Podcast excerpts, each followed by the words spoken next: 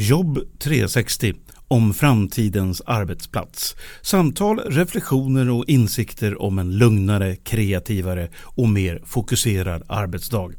Inbjudna gäster tillsammans med Pia Andreasson och Åsa Dahlqvist från Direxio.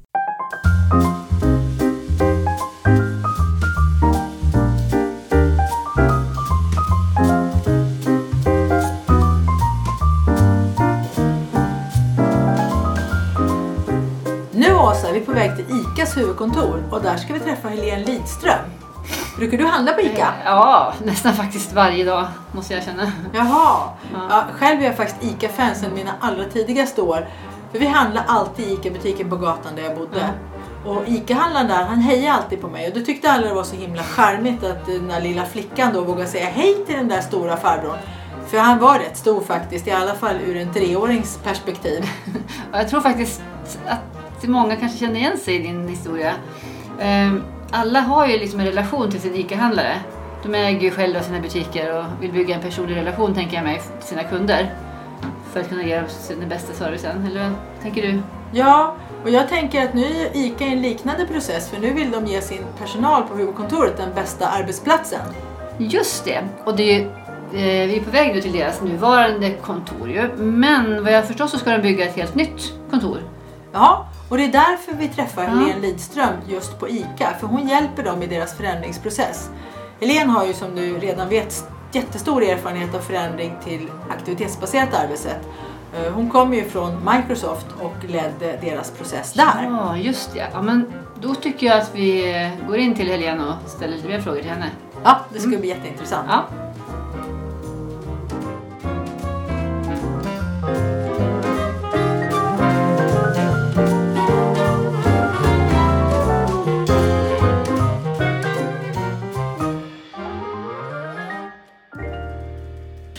Ja, Helene Lidström, tack för att vi får träffa dig.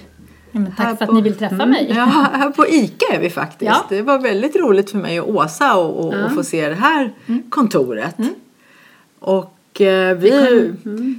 Ja, vi kom in rakt in i själva hjärtat av eh, ICAs kontor här ute i Solna, sa du. Ja. Och hjärtat är... Det är ju matsalen här. det är ju där vi samlas, det är där vi äter, det är där vi socialiserar. Och det är mycket det ICA handlar om, mat. Jag sneglade faktiskt lite på en av lunchbrickorna där för det är ju lunchtid här och tänkte det där såg gott ut. Och så bara, Pia fokusera nu, nu ska vi ha en intervju Alltså här. maten här är helt fantastisk. Det är så gott. Eh, nackdelen är att jag äter alldeles för mycket för det är buffé och man får välja mellan tre, fyra olika varmrätter och ett jättesalladsbord. Oj, oj, oj. Vi kanske Ja, stannar här sen Pia. Ja, precis. Ja, vi, vi blir kvar här en stund då och testar det. Eh, och Helene, du jobbade ju på Microsoft förut och jag tror faktiskt, eh, om jag tar en kvalificerad gissning, att du är den person som har visat flest människor runt på en aktivitetsbaserad arbetsplats. Ja, jo, men det kan nog stämma. Hur många var det som du hade där på besök? Ja, när jag började räkna ihop det efter, efter ett par år så visade det sig vara ungefär 100 000 besökare som kom till Microsoft eh, för att eh, se och få uppleva det vi hade gjort där. Och det var ju inte någon ambition att vi skulle ha så mycket besökare men det blev ett resultat av eh, att det blev en framgångssaga det vi gjorde på Microsoft och det intresset blev så stort. Det spred sig och det kom busslaster Oj! Ja. med, med människor vilket var naturligtvis jätteroligt. Vilka var det som kom och besökte dig? Var det någon speciell typ av företag? Alltså, eller var det alla möjliga? Alla möjliga. Det var alla olika branscher. Det spreds till andra länder. Så vi hade alltså folk från Oman, från Norge och Finland och Frankrike kom en bank. Eh, Så det var jättespännande. Men också många ledningsgrupper som ville komma och se och förstå vad är det Alltså mindre grupper på- först. De kom först tillsammans som ledningsgrupp för att Ja. titta Ja. och bara ta en första spaning. Ja. Ja. Och då undrar jag, eh, du har ju tagit med många människor på en sån här rundtur. Jag var ju själv med ett par gånger Mm. också. Och eh, då undrar jag, vad är reaktionen? Vad blir reaktionen när människor kommer in i ett sånt här kontor, kanske för allra första gången? Wow! Ja, men så här vill jag också jobba. Eh, anställer ni? var ofta frågan efter en sån här rundvandring. Det var ju bra. Nej, och det är klart att det här projektet på Microsoft var ju ett internt projekt. Det var ju liksom inte en tanke att vi skulle prata om det här på det sättet. Eh, Men det vi insåg under resans gång det var ju att det här blev otroligt starkt eh, externt, det vill säga alltså budskapsmässigt. Att prata om Microsofts produkter, om Microsofts erbjudande på ett helt annat och nytt sätt. Det vill säga hur omsätter man de här produkterna? Hur kan vi jobba smartare? Hur kan vi jobba mer produktivt? Där mm. själva platsen naturligtvis är en del men där den digitala verktygslådan är ju minst lika viktig så att säga. Så att vi kunde ju omsätta våra liksom, säljbudskap i en helt ny kontext. Eh, som jag tror, vilket sätt? Nej, men jag tror att det blir mycket mer intressant istället för att prata om eh, Skype och Excel och, och, OneDrive så kunde vi liksom förklara att så här mm. vill vi jobba. Mm. Så här kan vi jobba individuellt på ett effektivt sätt, så här kan vi samarbeta. Eh, och det handlar ju om kultur, det handlar om ledarskap, det handlar om att ha liksom, tydliga arbetssätt kring hur vi ska eh, förhålla oss utifrån samarbete, möten, mm. kommunikation och hur tar vi ut det både i i den tekniska dimensionen mm. men också i den fysiska platsen. Så ni lev, ja. lever som ni lär helt vi enkelt? Vi levde som vi lärde ja. och vi slutade eh, på ett sätt att prata produkter utan mm. vände på kuttingen. Hur kan vi skapa de bästa förutsättningarna för våra medarbetare? Mm. För ofta är det ju det vi vill göra. Vi vill skapa bra förutsättningar för medarbetare för att kunna leverera eh, till våra kunder.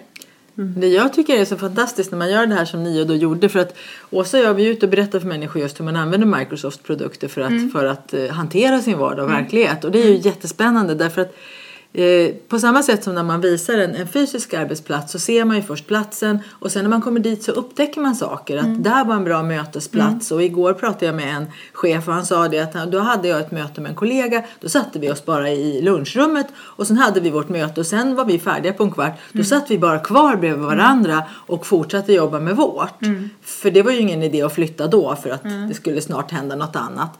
Eh, och just att man använder ytorna på ett nytt sätt. Mm. Men också hur man kan använda Microsofts produkter på ett nytt sätt. Mm. Eh, jag var just igår och eh, visade en kommun hur man kan använda Outlook som ett ärendehanteringssystem. Mm. Och det tror jag är ganska speciellt faktiskt. Mm. och jag förstår att, ni, att det måste ha blivit en helt ny upplevelse att se era produkter i den här miljön och sen förmedla till kunderna vad, mm. vad var det som, mm. som har hänt här egentligen. Sen älskar jag den där historien om hur ni inte öppnade plan 5 därför mm. att ytan som ni har krympt med många tusen kvadrat blev mm. ju för stor. Mm. mm. Och det var ju Stängde så... ni en våning 5 eller? Nej, det intressanta var att från början eh, om man ska backa bandet lite grann då mm. så var ju anledningen till att man eh, överhuvudtaget började titta på lokalerna det var ju att man kände sig lite trångbodd. Mm. Eh, I lokalen ute i, i, i lokalen ute i Akalla, Akalla mm. precis. Och där hade man flyttat in i början på 90-talet, det var ju långt innan min tid. Och eh, då hade man flyttat in i ett av de här huskropparna, ett våningsplan. Och sen med åren så växte man, man anställde mm. och så vidare. Så till slut så, så var det fyra hus med sju våningar. Eh, mm. Som samlade alla anställda. Men, men det var utmaningar för att eh, det var ju som i alla, eller de allra flesta företag, så fanns det inte mötesrum. Det var en stor frustration kring det mötesrum. Mm. Så man tänkte att ja, men vi behöver nog större lokaler. Vi behöver mer ytor. Men då kunde vi ganska snabbt konstatera att det var kanske inte mer yta vi behövde utan snarare en smartare dimensionering av hur vi faktiskt allokerade mm. ytorna. Där vi, precis som alla andra företag som går igenom en sån här resa, började med att mäta hur vi faktiskt använde eh, de befintliga lokalerna. Hur mäter man det? Ja, det finns olika sätt att göra det på. Man kan ju ha sensorer idag eller så har man folk som faktiskt går runt och mäter eh, och ser, är, det, är folk på plats? Mm. Eller är platsen bara paxad? Det vill säga att folk, folk eh, har lämnat sina prylar där och är någon annanstans. Och då kunde vi konstatera att ungefär 30 procent satt vid sina arbetsplatser. Men mötesrummen var rätt uppbokade. Mm. Och då inser vi att eh, de här 30 procent som vi hade som nyttjandegrad på arbetsplatserna Eh, oj, det, det handlar ju om att skrivborden upptog ju en, den största delen ja. av den totala ytan. Så mycket döyta helt enkelt. Så då började vi fundera i de termerna att om, om vi skulle liksom tänka till hur vi allokerar ytan utifrån våra behov. Så då började vi göra en kartläggning för att säkerställa att vi förstod hur ser behoven ut idag och hur vill vi jobba i framtiden.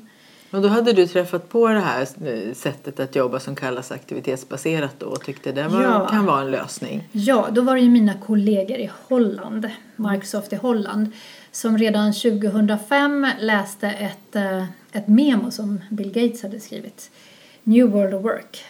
som handlar väldigt mycket om att tekniken skapar helt nya möjligheter. Helt nya möjligheter hur vi lever våra liv och hur vi jobbar och så vidare.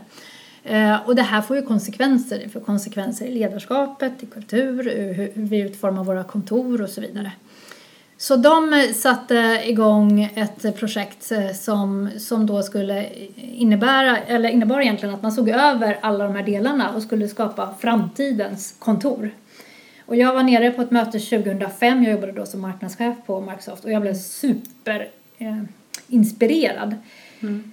Och jag tänkte det här är helt rätt, det här ska ju vi göra hemma i Sverige. Så jag flög hem, satte mig med, med min dåvarande VD och försökte liksom förklara det här. Hur, jag hur mottogs det då? Nej, inte, inte så bra. Och det, det handlar nog om hur jag förklarade det här. jag var nog så framgångsrik i, i, i den här berättelsen. Eh, men min, jag hade en sån stark känsla att det här var helt rätt. Man, man, eh, VDn han, han eh, gillade mitt engagemang så jag fick 50 000 kronor att göra om ett konferensrum. Ah. Eh, så det var vad jag brukar då kalla DNA 1.0 för, för det vi kom att kalla hela förändringen sen som jag fick genomföra det kallar vi för det nya arbetslivet.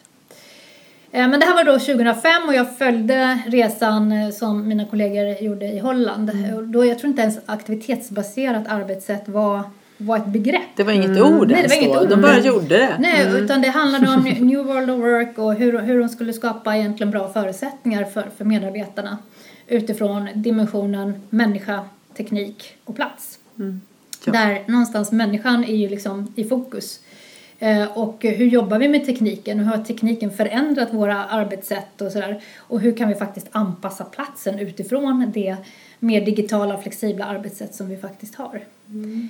Uh, och det här var ju jättespännande att följa och uh, det tog ungefär tre år deras resa och sen uh, flyttade de in i det nya kontoret och de kunde mäta och fick ju naturligtvis väldigt bra resultat av det här. Och då tänkte jag att nu borde man ju vakna i Sverige. Nu borde man När det se. finns siffror det så finns borde de svenska siffror. ingenjörerna Precis. nappa här. Nu har vi bevis på så detta. 2008 flyttade de in och de kunde påvisa de här resultaten. Men det tog ändå till 2011. Mm. Då fick jag frågan, ja men Helene, ska vi göra det här nu då? Och då blev jag jätteglad såklart. Mm. Eh, och jag hade då en VD som också förstod att det här handlar inte bara om kontoret utan det här handlar om en stor förändring även på Microsoft. Mm. Där man visserligen låg ganska långt fram med tekniken men det handlar om att få med sig människor på den här resan för det, det, det var ju ganska stora förändringar som skulle, skulle göras. Hur gjorde ja. ni då för att få med så många som möjligt på det här? Uh, ja, det är ju massor med olika insatser. Mm. Men, men det första och kanske absolut viktigaste det är att jag hade en VD som förstod att vi mm. kommer behöva lägga ner tid på det här. Så det var det första.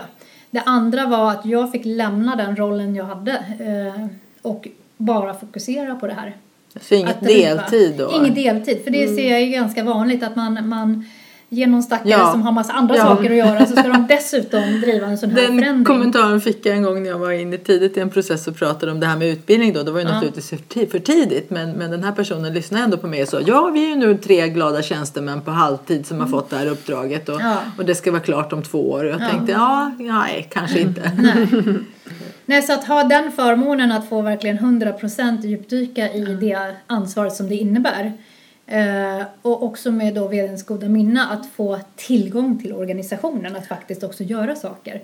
Att lägga tid på att förbereda eh, organisationen för vad den här förändringen faktiskt mm. kommer innebära. Att du fick den rollen som förändringsledare, att de andra cheferna faktiskt skulle lyssna på dig och ja. det du hade att säga. Ja. Det var ju en viktig, viktig... Ja, det tror jag också var en av framgångsfaktorerna. Jag var ju en liksom känd, känt ansikte i organisationen som man hade förtroende för och det tror jag också underlättar Eh, jag jobbar ju själv som konsult idag och det är inte alltid så lätt som konsult att komma in och driva förändring. Men mm. har man någon, och det är därför jag brukar säga det, utnyttja alla de resurser ni har internt. För det skapar ju trovärdighet. Sen kan man som konsult alltid, stötta eh, och finnas i, i bakgrunden och hjälpa till. Men det är alltid ett ägarskap eh, som mm. krävs internt. För mm. då, då lyckas man mycket, mycket bättre. Mm.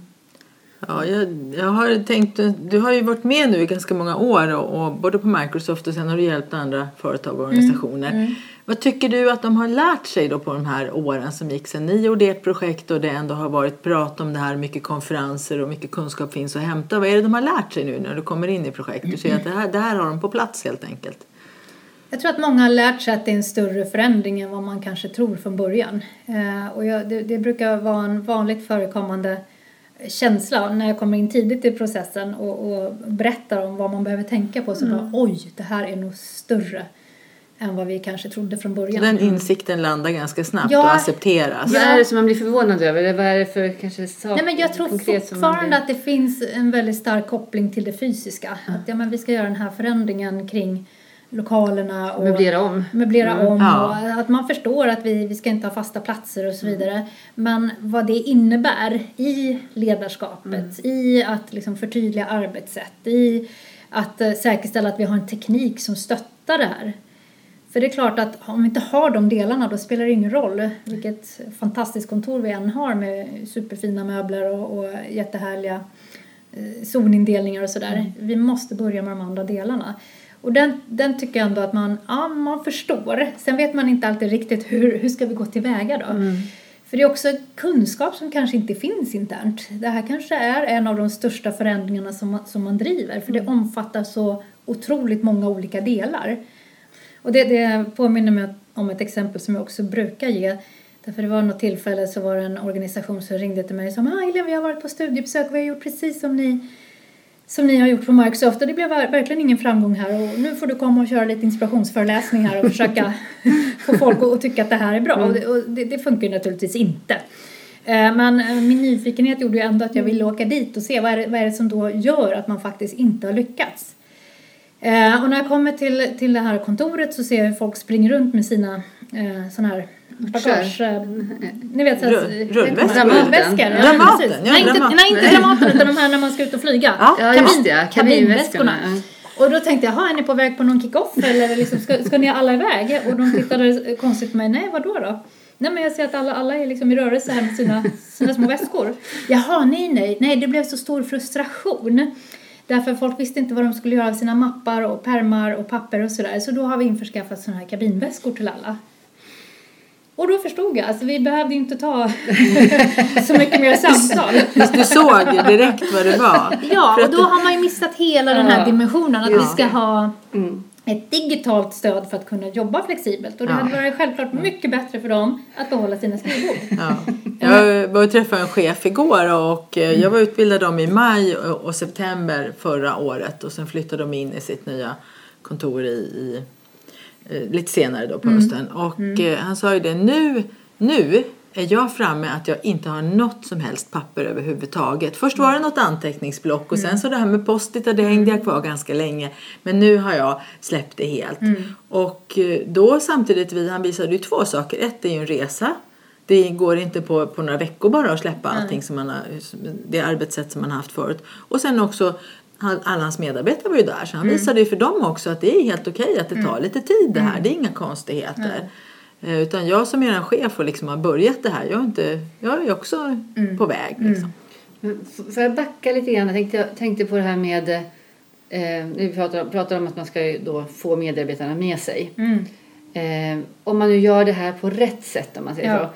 Finns det några steg eller så här, som så här, typ viktiga grejer som man verkligen inte får missa med sina medarbetare och alltså, nu pratar vi inte om, om eh, IT-lösningar och sånt, för det är ju, mm. men liksom det här med mm. hur jobbar man med dem? Ja, ja, jag har ju själv kommit fram till, eh, baserat både på Microsoft och andra förändringar som jag haft förmånen att vara med att driva och även ett forskningsprojekt som jag varit involverad i tillsammans med Lena Lid Falkman och massa duktiga forskare. Mm. Vad är det då som gör att man faktiskt lyckas? Hur får man med sig människor? Mm. Och egentligen så är det inget rocket science men Eh, väldigt många organisationer missar flera av de här delarna. Eh, och nummer ett då, det handlar ju om just ledningen. Alltså ledningen måste vara med på en sån här förändring. De måste artikulera varför vi ska göra en sån här förändring. Eh, de måste gå före, de måste visa vägen, de måste vara ambassadörer och också förstå konsekvenserna av förändringen. Vad är det de behöver förändra? Eh, vad är det de behöver driva för någonting? De själva alltså? I de själva, eget, ja. precis. Mm. Och någonstans kunna förklara var, varför ska vi göra en sån här förändring? Eh, och finns inte den på plats då kan man, då kan man bara lägga ner. För det, det, blir inte trovärdigt om man inte ens har en ledning som kan, som kan ge uttryck för, för varför den här mm. förändringen är viktig. Sen handlar det om den här visionen, alltså någonstans att vi, vi människor, vi behöver köpa in på saker Och då är det inte alltid bara fakta och siffror och produktivitet och sånt som får igång oss utan det är andra saker som, som blir viktiga. Jag tänker på en om. resebyrå, alla bilderna man ser där. Det är Ja, ju precis ja. det. Visionen bara. Ja. mm, Staden Ja. eller sandstranden eller vad det nu är, bergen. Ja. Ja. och det var ett annat företag som ringde för det var rätt länge sedan och så sa de Helene samma utmaning, de hade inte riktigt fått med sig människorna på det här förtätningsprojektet. Det var deras namn på. Och någonstans så kan jag förstå då att man kanske inte hoppar högt när man hör förtätningsprojekt. Nej. Och då frågar jag varför, varför pratar ni förtätningsprojekt? Jo, nej men det handlar om att alla har egna rum och de är alldeles för stora egentligen och vi, vi ser att folk sitter i sina rum och de kommer aldrig ut och samarbetar så vi vill ju uppmuntra till samarbete. Vi vill att folk ska samarbeta. Ja, men varför pratar ni inte om det då? För det handlar egentligen inte om ytorna. De behövde inte, för de ägde lokalerna, de behövde inte spara på ytor eller så utan då måste vi prata om Samarbetsprojektet. att vi ska samarbeta, vi ska få till det, vi ska liksom göra mer tillsammans och vi ska bli mer effektiva. Så att man måste ju kunna formulera den här visionen på ett sätt som gör att folk faktiskt vill vara med. Så vi behöver göra det begripligt, vi behöver göra det hanterbart men vi behöver också göra det meningsfullt för varje individ. Så att det liksom, jag går igång på det här. Ehm, Sen handlar det också om, eh, som jag ser ett ganska vanligt misstag som man gör, det är att man, man, har, man har en styrgrupp och man har en projektgrupp och den här projektgruppen axlar hela det här ansvaret och försöker jobba och göra eh, alla saker rätt och sådär. Men ofta har du en organisation och den här organisationen som på Microsoft bestod av 650 medarbetare det är ju 650 förändringsagenter. Det är 650 personer som kan vara med och driva och leda den här förändringen. Så att skapa en tydlighet att den här förändringen kommer vi att göra och det här förväntar vi oss av er. För då är man plötsligt 650 personer i den här projektgruppen istället för vi fem eller hur många man nu än är. Och det blir en helt annan kraft. Att eh, ta liksom hela den kraften av eh, kompetens och, och engagemang som faktiskt finns. Men då behöver du också vara tydlig. Du behöver vara tydlig i att delegera det ansvaret. Hur lång tid i förväg måste man börja? Finns det någon sån här regel? Så här lång tid i förväg måste man börja med det här, det här förändringsarbetet innan man gör en fysisk förändring? Jag tror att det handlar lite grann om vilken mognad man har. Så att det är ju också det viktiga att göra initialt. Att förstå var befinner vi oss utifrån de här tre dimensionerna. Eh, och det tror jag är viktigt att det finns ju inte ett recept. Eh, för alla organisationer har olika utmaningar. På Microsoft låg vi långt fram med den digitala verktygslådan. Vi låg ganska långt fram med kultur och ledarskap och sådana saker. Samtidigt som det kanske inte fanns en tydlighet kring hur vi skulle jobba med de här verktygen och, och mycket förändringar kring, kring det fysiska. Så att där Där handlar I Kungälv hade de en fastighet som var helt utdömd som de Ja. inte fick bo kvar i Nej. rent arbetsmiljömässigt. Då fick Ja. de ju börja där. Ja, då måste man börja där. Så någonstans förstå vilken mognad har vi utifrån de här tre dimensionerna. Vad behöver vi göra för insatser för att göra en förflyttning? Och i vilken tågordning ska vi ta det i? Så det gör ju att, att för vissa organisationer kan det gå mycket snabbare än vad det gör för andra om man, man ligger liksom långt efter inom alla tre dimensioner. Då är det ett mycket större arbete som måste göras. Ehm, och dessutom en annan viktig aspekt är också hur, hur duktiga är vi på förändring? Alltså den kompetensen som jag tycker är en kompetens, inte bara hos chefer utan också hos medarbetare. Hur duktiga är vi i den här organisationen att driva och leda förändring? Vissa, vissa organisationer är superduktiga för att de, de är i den typ av bransch där det förväntas eller de jobbar med den typ av produkter där det är ständiga eh, förändringar och förbättringar och utveckling och sådär. Och vissa, vissa branscher kanske inte jobbar lika mycket med, eller organisationer jobbar med förändring på det De sättet. som är mer förvaltande kanske Ja. och, och, så. Så det måste man också ha en förståelse för. Hur duktiga och hur mogna är vi att jobba med förändring? För det, det blir också ytterligare en aspekt i det hela. Eh, Så att det finns inget, det är också sådär att många vill ju ha liksom så här facit, så här, hur lång tid tar det, vad gör man, vad är checklistan och tre Ja. steg. Eh, Men, men det handlar ju om att göra den här kartläggningen initialt för att skapa sig en förståelse. Okej, vad står vi idag? Vad blir vårt önskade läge? Vad är det vi ska åstadkomma? Och hur tar vi oss dit? Jag tänker att många står också nu, nu har det gått ett tag och en del har ju faktiskt, många företag har ju infört den här typen av arbetsplatser. Och kanske, det kanske har gått några år nu. Och eh, då känner jag att det finns en kritisk punkt att man börjar liksom falla tillbaka till gamla vanor. Det kommer in nya medarbetare som inte har, känner till det här. Nya cheferna börjar spana på ett annat projekt. Ja. Hur sjutton ska man liksom hålla i det här om man nu Ja. tycker att det här är ett bra sätt att jobba? Och det här tror jag är jätteviktigt och det, det, du är inne på någonting som jag också ser ganska tydligt att det är lätt under den här tiden som det är ett projekt. Det drivs som ett projekt, det finns en projektgrupp, det finns dedikerade resurser och sen gör man kanske den här flytten och så är det lite nyhetens behag och man fortsätter jobba något halvår, ett år efter. Men sen då? Vad händer sen då? Hur håller man i det här? Hur säkerställer man att det fortsätter att utvecklas? För det, det är ju inte så att man är färdig när man flyttar in. Det är ju egentligen då det börjar. Och det här tror jag också många organisationer som har gjort en sån här förändringar, eh, förändring, de står inför det här lite för sent och inser sig, ja men hoppsan. hur ska Nu måste vi starta ett nytt projekt Ja. här för att kunna fortsätta alltihopa. Och därför är det så viktigt under tiden som det drivs som ett projekt att, Mm. att involvera verksamheten, att göra det här verksamhetsdrivet. Det vill Allas. säga, ja, allas ansvar och säkerställa att det inte bara är projektet som driver. Så att man kliver vidare. Det var ju det som var så, så eh, roligt med de här som jag var hos igår. Därför att de har ju, då har ju lärt dem vissa kunskaper och vissa saker i då Microsofts programvara och jobba med dem som ett redskap i ett, ett nytt eh, arbetssätt i den här miljön. Och eh, då kommer det följdfrågor till mig. Pia, vi skulle behöva det här. Kan, det, kan vi göra det också med hjälp av de här redskapen? Om vi ska samarbeta på det här sättet, hur gör vi då? Och då har de redan fått blicken där att i den här miljön och med de här digitala verktygen så blir det nya möjligheter. Hur gör vi det? Det tycker jag är helt fascinerande. Jag älskar ju när jag får sådana frågor. ja, liksom. Man tankar in lite kunskap och så poppar det upp massor med möjligheter i huvudet på människor. Men nu tänker jag så här, du sa att det tar aldrig slut det här arbetet. det fortsätter. Eh, vad tänker du, nu, nu känns ju det här som nu när vi är på, Ica- här på ICA eller när man går in på Microsoft eller någon annanstans där det finns aktivitetsbaserat så känns det ju ganska spacigt och nytt och liksom så här som att det här är någonting som är, det här är framtiden. Men vad kommer vi att säga om det här om 20 år? Hur tänker du, har du några tankar kring det? Eh, nej men jag tror att vi har bara, det är bara början. För att jag menar, vi kommer fortsätta att utveckla våra arbetssätt och det viktiga är att vi anpassar eh, våra verktyg och då menar jag både det digitala och det fysiska utifrån hur vi faktiskt eh, jobbar. Eh, och, och någonstans så är det väl det som vi har missat kanske under väldigt lång tid därför att kontoren har ju sett ungefär likadana ut eh, under ganska lång tid. Det vill säga vi har, vi har haft ett skrivbord för varje medarbetare och vi har haft mötesrum.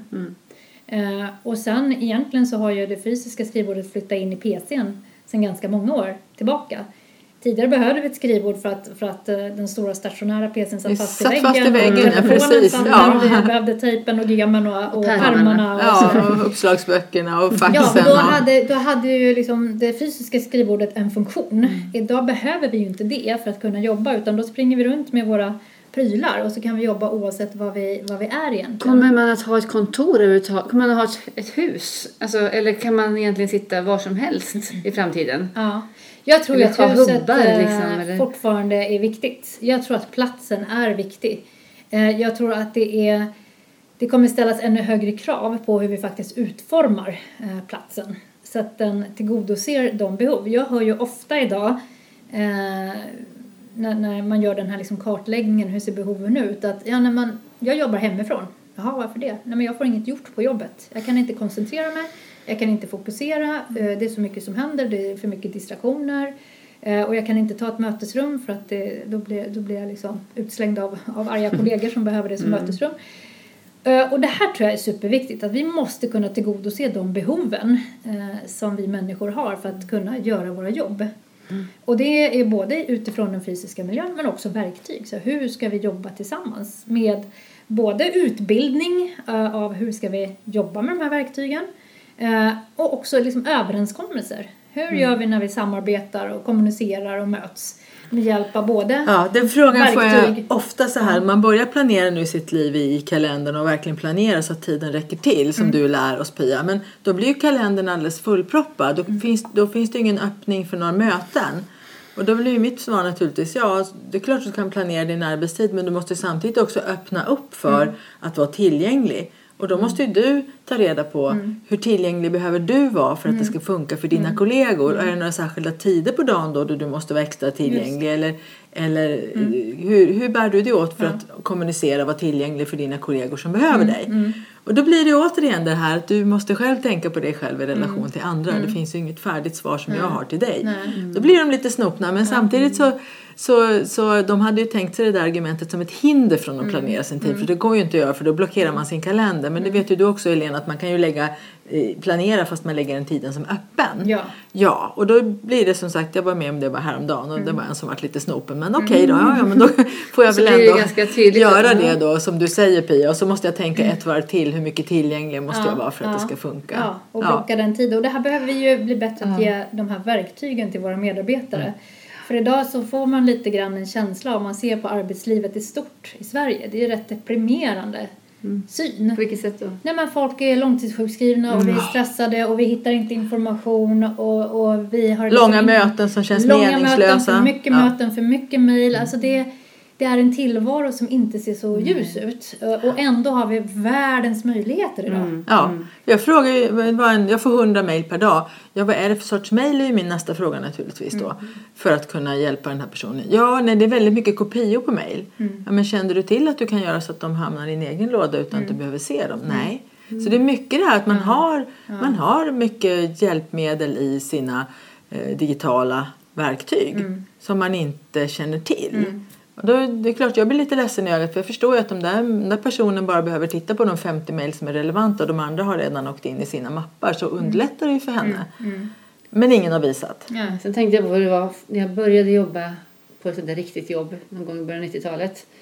Då så hade man ju sin, som sagt sitt skrivbord. Jag till och med fick mitt första jobb, jag hade ett eget rum, liksom kontor med mitt namn på allting. Ja.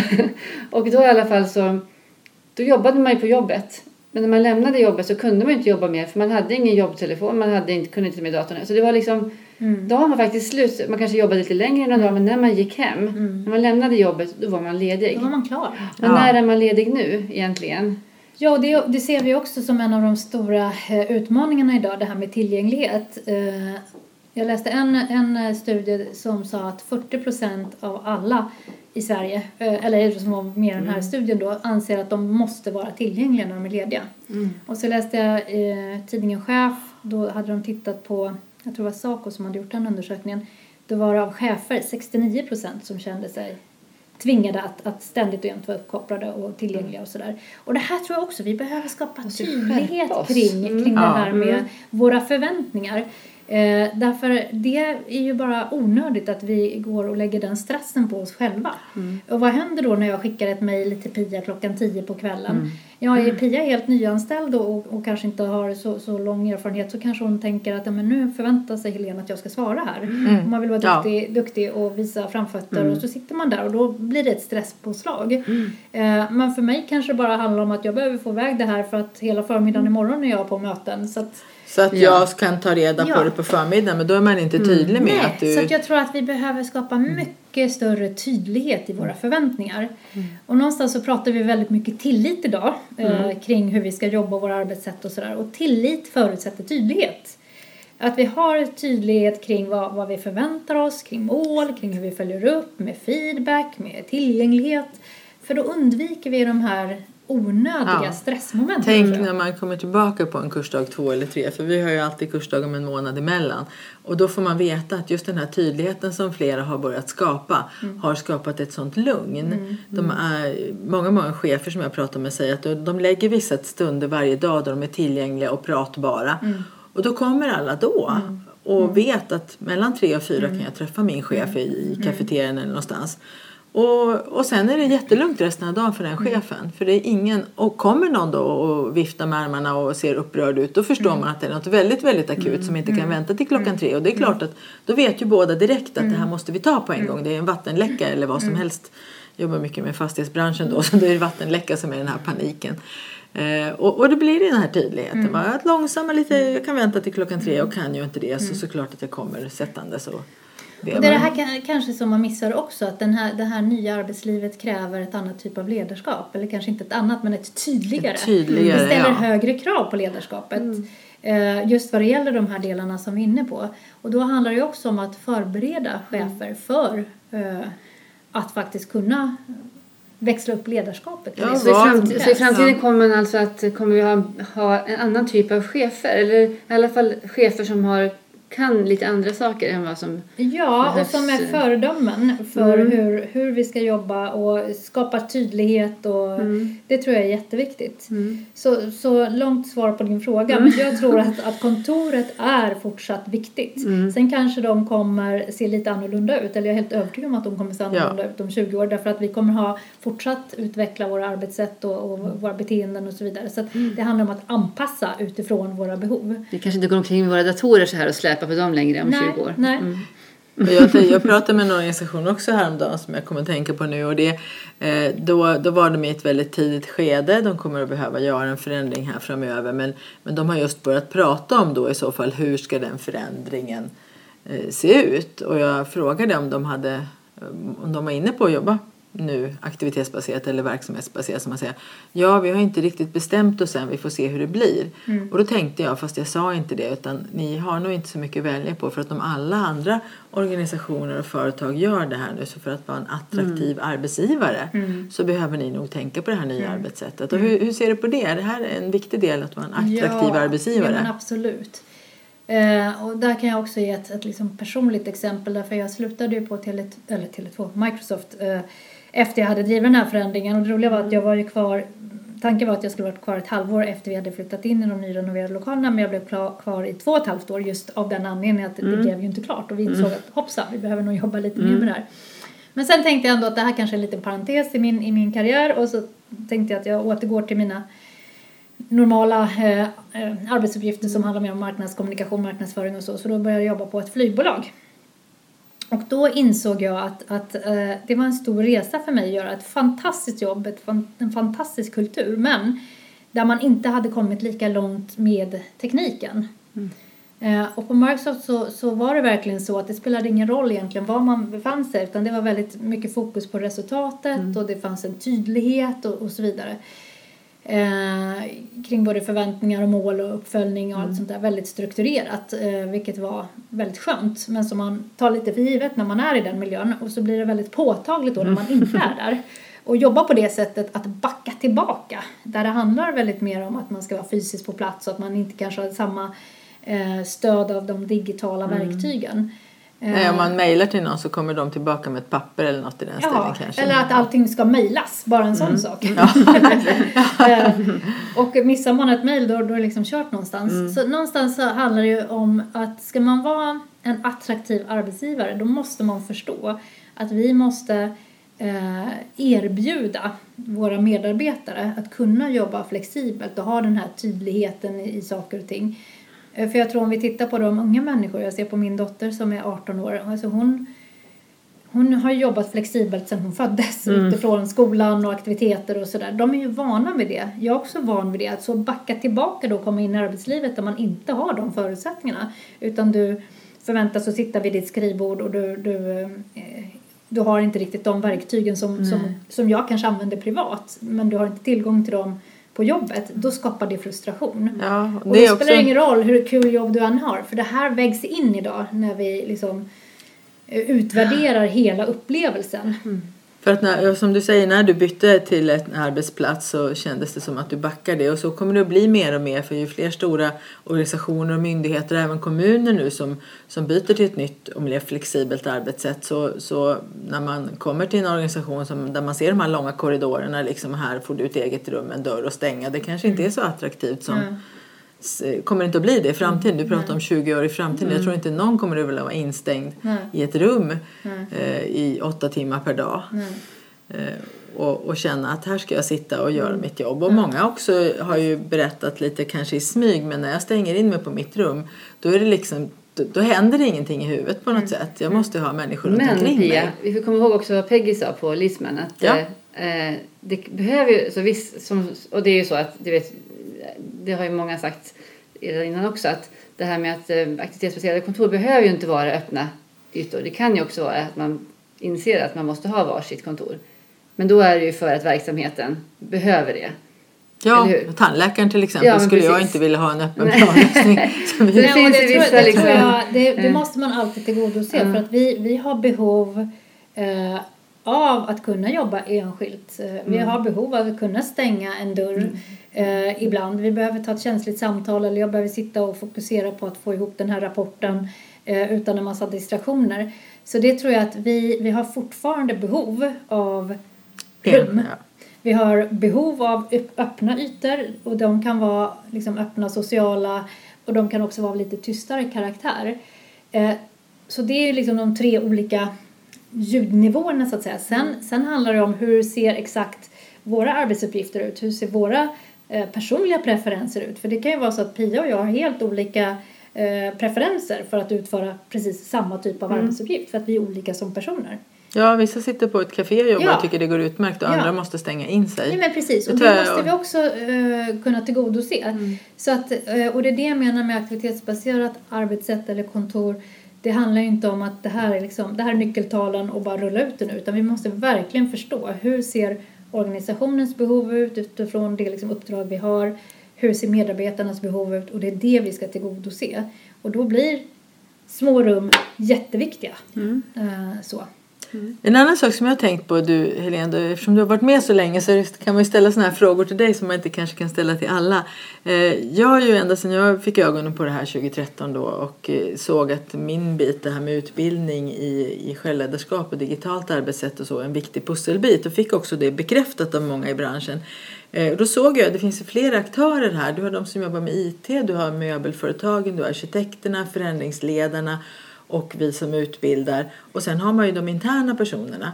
Och min tanke var att vi behöver ju bli tajtare med varandra och förstå varandras roller bättre. Har, är det så nu? Tycker du att du ser det? Ja men både och. Jag tycker att många, eh, många arkitekter har verkligen en förståelse för att det handlar om alla, alla delar och inte bara deras fysiska del.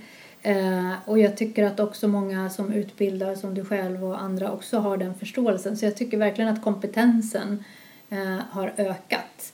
Eh, i alla fall externt ifrån. Jag tror att den större utmaningen kanske är internt. Det vill säga hur, hur, vem ansvarar nu för vad internt? Vem ansvarar för arbetssätt i en organisation? Och hur ser man till att besluten blir tagna? Och vem beslutar för ja. det? För att tidigare har det varit lite enklare. Behöver vi några nya skrivbord, då är det FM som fixar det, så Mm. fastighetssidan. Eh, ska vi ha en utbildning, ja då är det HR som fixar det. Ska vi köpa in nya datorer, då är det, då är det liksom IT. Men om vi liksom lyfter frågan, om frågan blir lite mer strategisk kring hur vi ska faktiskt jobba eh, tillsammans, eh, då, då, då är det inte så enkelt längre. Så jag tror att den stora utmaningen är att hitta eh, ansvarsfördelningen internt. För jag tror att de här tre funktionerna som jag var inne på, eh, IT, HR och fastighetssidan, deras roller kommer se annorlunda ut i framtiden. Jag tycker ibland pratar man med sådana, och då hör man, jag pratar ju både med IT, jag pratar med alla tre de här, och ibland hör man det att de sitter och väntar på att något beslut ska tas någonstans men ingen vet var, Vem var beslutet ska tas Nej. eller vem som ska ta det. Men när det väl är taget då kan jag som FMH eller IT, då kan jag göra min bit. Den, den känslan hör jag ofta. Men tänker man då, eller tänker du Helena att det ska finnas en ny tjänst eller en ny avdelning på företaget som bara tar hand om det här med utveckling av arbetssätt och kontor Ja, som en slags ja, och jag tror att det kommer komma nya roller och jag tror att, att eh, vissa av de här funktionerna kommer få ett utökat ansvar. Och att man kanske också behöver ha ett lite större utifrån och intänk. Eh, det vill säga att jag tror att roller som eh, alltså ansvarig för medarbetarupplevelsen, alltså hur ska vi säkra upp att våra medarbetare har de bästa förutsättningarna? Och egentligen skitsamma om det handlar om verktygen eller lokalerna eller ledarskapet. Vem tar det liksom övergripande ansvaret och sen säkerställer att någon genomför men utifrån ett mer strategiskt perspektiv. För nu, nu blir det lite som du säger Pia, man sitter och väntar in varandra och man vet inte riktigt och speciellt inte när man har implementerat en sån här strategi. Vad händer sen efteråt när det inte är ett projekt? Ja, om alla delar ska- upp sig igen och sköter Ja. sin bit så att FM tittar Ja. på lokalen och HR väntar Precis. på att någon ska bli, tycka att det är jobbigt Ja. att lösa det och så IT ser till att det, systemen funkar. Och, Precis. och sen är medarbetarna helt Ja, utlämnade. för en, en, ett sånt exempel som jag tycker är rätt bra. I en organisation som jag jobbar med där man hade gjort förändringen och så började man då mäta efteråt hur utnyttjades de här lokalerna och då kunde man se att eh, de öppna samarbetsytorna var det ganska låg beläggningsgrad på. Och då hade det varit ganska enkelt att säga till FM att ja, men gör flera smårum för att vi ser att de är mer populära. Det är liksom det gamla tänket, att vi utgår från det som funkar och så, ja men mer av den ytan. Men då måste man fundera sådär, okej varför ser det ut på det här sättet? Är det för att vi inte har ändrat beteende? Är det för att vi behöver jobba med, med liksom nya eh, tankegångar och så vidare? För att någonstans skapa förutsättningar för att de ytorna också används. Och vem fattar det beslutet? Mm, Precis. Ehm,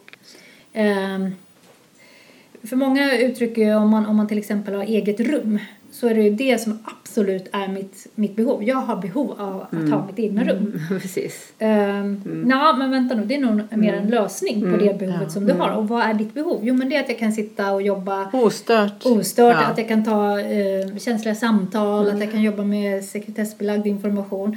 Ja, men om vi kan lösa det behovet som du har, fast det kanske inte är ett eget rum. Men jag tycker det är Precis, jättesvårt ja. för, en, menar, för en chef eller en ledare i en organisation att ta de snacken om man inte är van vid det Ja. med sina medarbetare. För nu kanske man ändå känner sig lite nervös att man nu har gjort den förändringen och Ja. hoppas att allting ska gå bra. Och så säger de ja, men jag vill ha dubbla skärmar, alla vill ha dubbla skärmar. Okej, säger man, okej då köper vi det. Så man liksom, för man vill inte, man vill inte Nej, skapa man ännu mer liksom, otrygghet eller Och det är också en av mina de här sju som jag sa, att våga Ja. utmana. Ja. Man måste våga tro på sin strategi och våga utmana organisationen. Och också vara tydlig med att vi, vi testar. Vi är övertygade om att det här blir bra.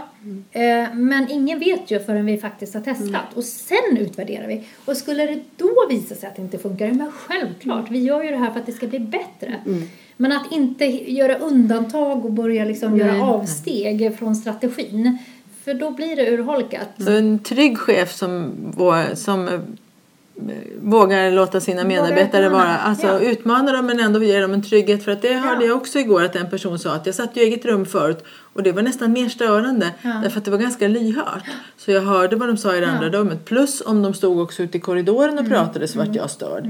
Nu behöver jag aldrig bli störd om Nej. inte jag själv vill. Precis. Sa, sa den personen. och det var en person i min ålder, 50 Mm, plus liksom. Och man påstår ju att vi är mer förändringsobenägna. Men jag vill säga att det är tvärtom. För de jag träffar, de är mer... De vill, ja, men det har Mm. ändrat sig i yrkeslivet ganska många gånger bakåt. Och här kommer ytterligare en förändring Mm, liksom. Nu ska vi se vad det blir. En ganska stor trygghet redan från början hos Mm, de personerna. Och ingenting kan ju bli sämre än fasta kontorsplatser i, en ett öppet landskap ändå. Så att man kan, det kan bara bli bättre. Vi får ta och runda av tror jag. Vi har ju pratat väldigt länge. Du har så Ja, mycket intressanta saker verkligen. att berätta Helene. Eh, Och eh, vi ser fram emot att träffa dig i framtiden i projekt. Ja, Ja. Verkligen. Tack ska tack så mycket. Tack.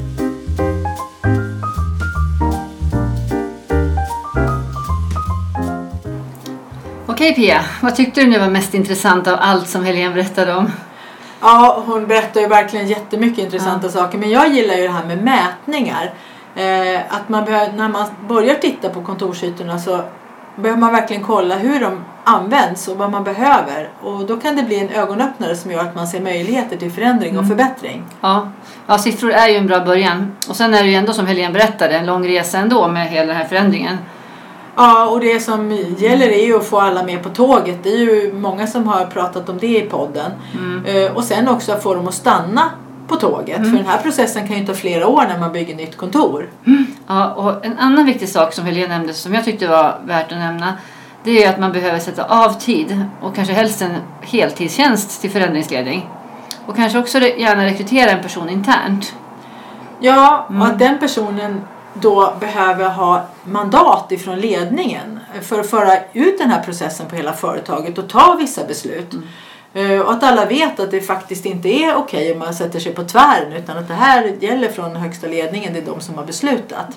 Sen kan ju förstås den här personen ta stöd från någon extern. Men det är klart. Ja, alltså det var så mycket viktigt och intressant som Helene pratade om så jag får nog ta och lyssna igenom det här avsnittet en gång till så jag får med mig allt, tänker jag. Bra idé! Repetition gör ju att insikterna fastnar, det vet vi ju sen förut, eller hur? Absolut.